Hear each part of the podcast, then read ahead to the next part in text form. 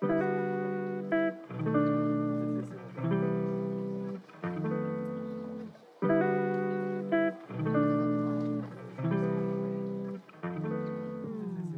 bij de Menocast, podcast over de overgang. Mijn naam is Mireille Blommaert en in deze podcast neem ik je mee op ontdekkingstocht hoe je energiek door de overgang navigeert.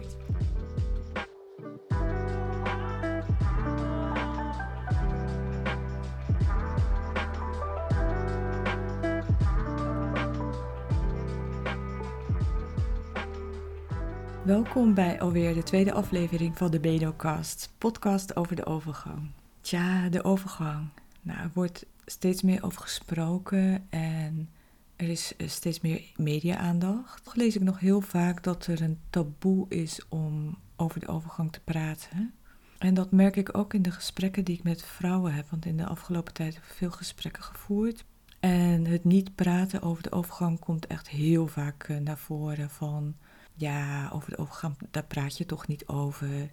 Je moet er doorheen. Het is nu eenmaal zo. En toch voel ik dat er een enorme behoefte is om het eh, bespreekbaar eh, te maken.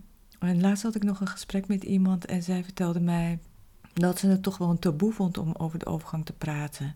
Omdat er eigenlijk zo weinig informatie eh, is. Of wat ik ook vaak hoor is dat vrouwen zich niet serieus genomen voelen door hun partner. Maar ook door bijvoorbeeld mannelijke huisartsen. Dat uh, hoor ik ook best wel regelmatig. En wat ik ook wel hoorde laatst, dat vond ik wel een hele interessante, is... Ik voel dat mijn lichaam verandert, maar mijn hoofd is er nog niet aan toe. Dus dat hè, je weet dat de overgang er aankomt omdat je rond de 40, 45 bent, maar eigenlijk geen zin hebt om eraan toe te, toe te geven. Of deze heb ik ook wel vaak gehoord, of ik merk mijn lichaam verandert, maar ik ben nog niet in de overgang hoor. En het lijkt alsof we deze periode zo lang mogelijk voor ons uit uh, willen schuiven. En als we dit doen, uh, deze periode voor ons uitschuiven, ja, dan heb je ook vaak dat de klachten je opeens overvallen. Want dan bouwt je lichaam allerlei klachten op en dan lijkt het alsof de overgang er opeens is.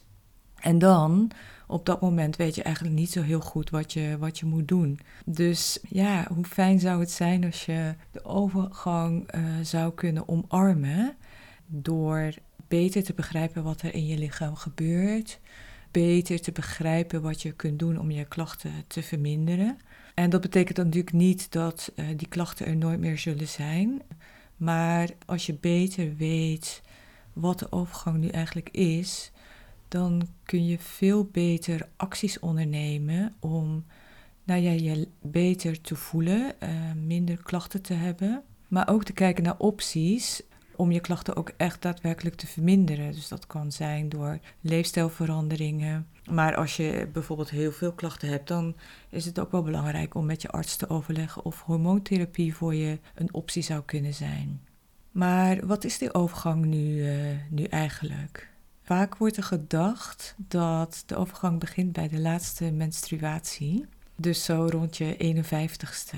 En dat is echt een, uh, een mythe, een misverstand. Want de overgang die begint echt al veel eerder. Begint al, ja, kan al rond je 40ste beginnen. Um, vaak merken, de, merken vrouwen de eerste signalen rond hun 45ste.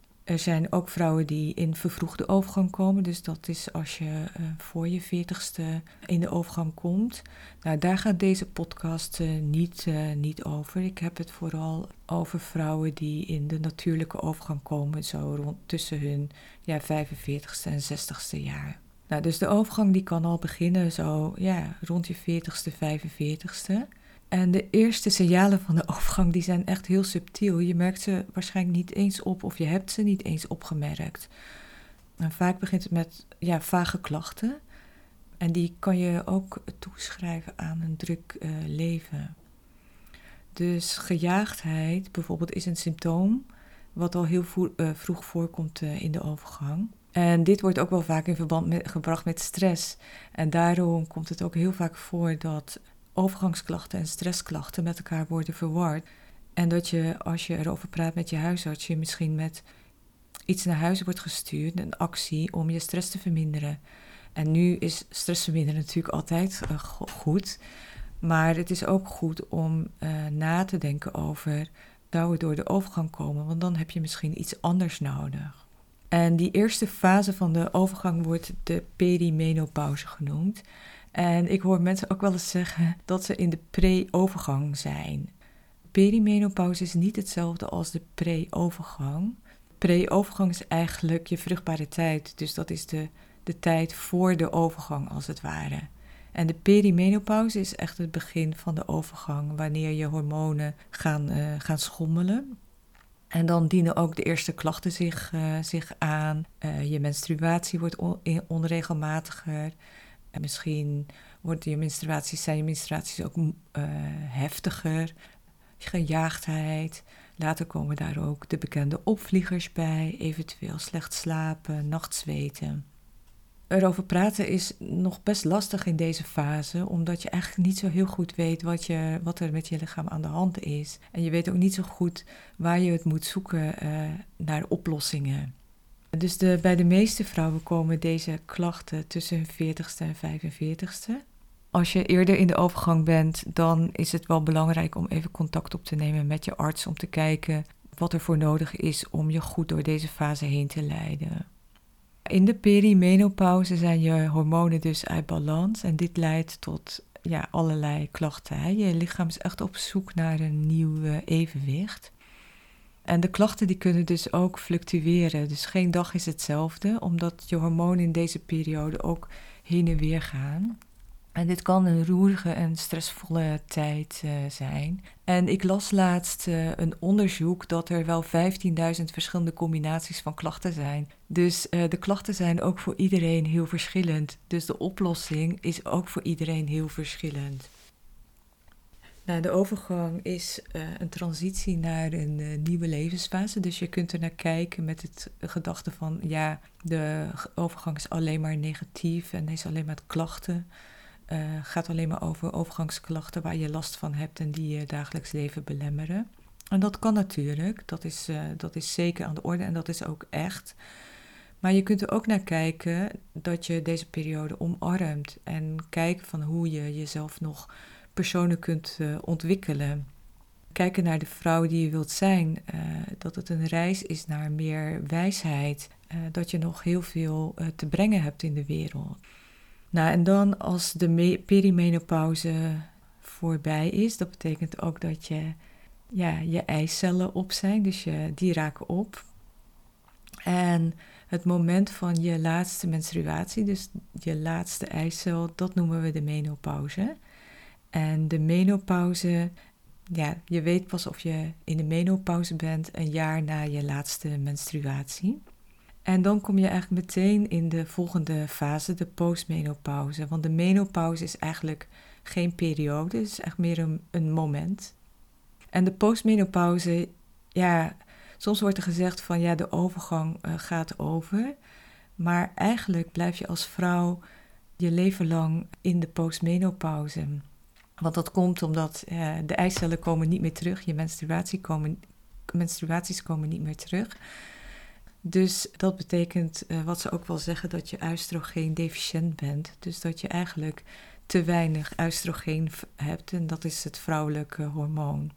En in de eerste jaren van de postmenopauze kan je nog best wel klachten, uh, klachten hebben. Dus bijvoorbeeld opvliegers, nachtzweten, slecht slapen komen nog heel veel voor. En ik weet dat uh, sommige vrouwen op hun 75ste ook nog uh, opvliegers hebben.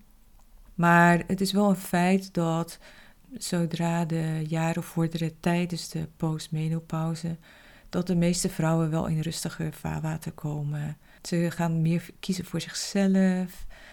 Ze hebben gewoon wat meer scheid aan uh, anderen. Zijn niet meer zo gefocust op, sociaal, op sociale activiteiten.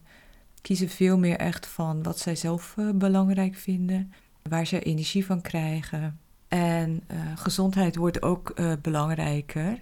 Want vaak is de overgang dus ook wel een, een keerpunt. En naast dat hormonen schommelen, is de overgang sowieso een roerige tijd in deze levensfase. Omdat er ook nog wel heel veel gebeurt in bijvoorbeeld het gezin. Misschien heb je nog kleine kinderen of pubers of gaan je kinderen het huis uit. Uh, misschien heb je te maken met ziekte van jezelf of uh, van je partner. Uh, heb je misschien mantelzorg van, je, van je ouders of van iemand anders in je omgeving. Je werk. Hè, vaak zitten we nog vol in, in, in carrières met heel veel stress en heel veel moeten vooral. Want we moeten als vrouw heel veel van, ons, van onszelf. Maar goed, dat, uh, dat wordt op een gegeven moment allemaal wel wat rustiger. Er komt wat meer structuur, wat meer richting.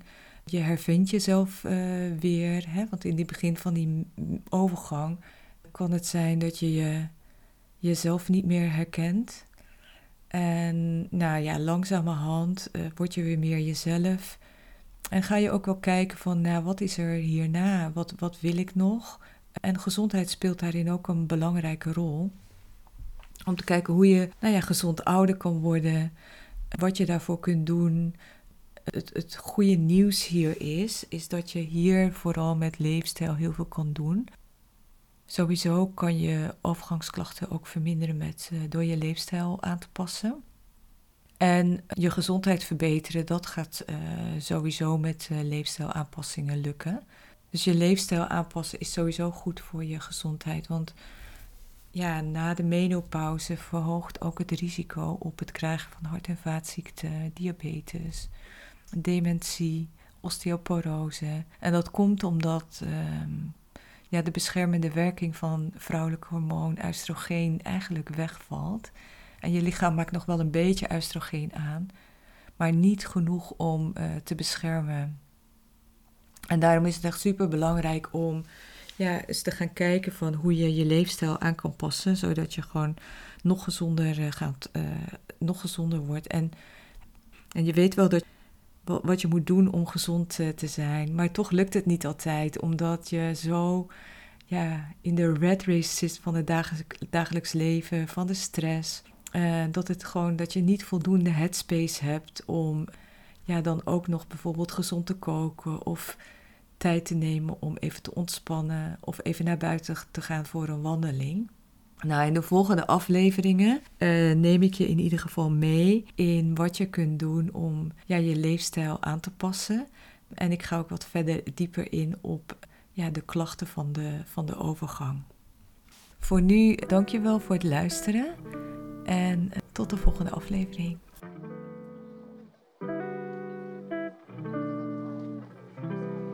Dankjewel voor het luisteren. De overgang is een nieuwe, uitdagende fase in je leven waarin er veel verandert. Het is mijn missie om vrouwen zoals jij te helpen om niet te blijven hangen in de misery van de overgang, maar te ontdekken hoe je klachten kunt verminderen door je leefstijl, zodat je naar mastery gaat en je bewust en met volle energie naar een nieuwe fase in je leven gaat. Kun je niet wachten om op ontdekkingstocht te gaan? Download dan nu alvast de leefstijlgids weer in balans in zes stappen via mireilleblommaert.nl slash leefstijlgids. Ik vind het super leuk om te horen wat je van deze podcast vindt en ik nodig je graag uit om een review te geven. Dit is heel simpel. Klik op review in je podcast app. Wil je alle podcastafleveringen onder elkaar? Abonneer je dan op deze podcast. Klik in je podcast app op de button subscribe of abonneer en je ontvangt automatisch een bericht als er een nieuwe podcastaflevering verschijnt. Wil je meer inspiratie? Volg mij dan op TikTok, Mireille Blommaert, of word lid van mijn Facebook community Energiek door de Overgang. Hier deel ik dagelijks tips en tricks over de overgang. Nogmaals dank je wel voor het luisteren en tot de volgende aflevering.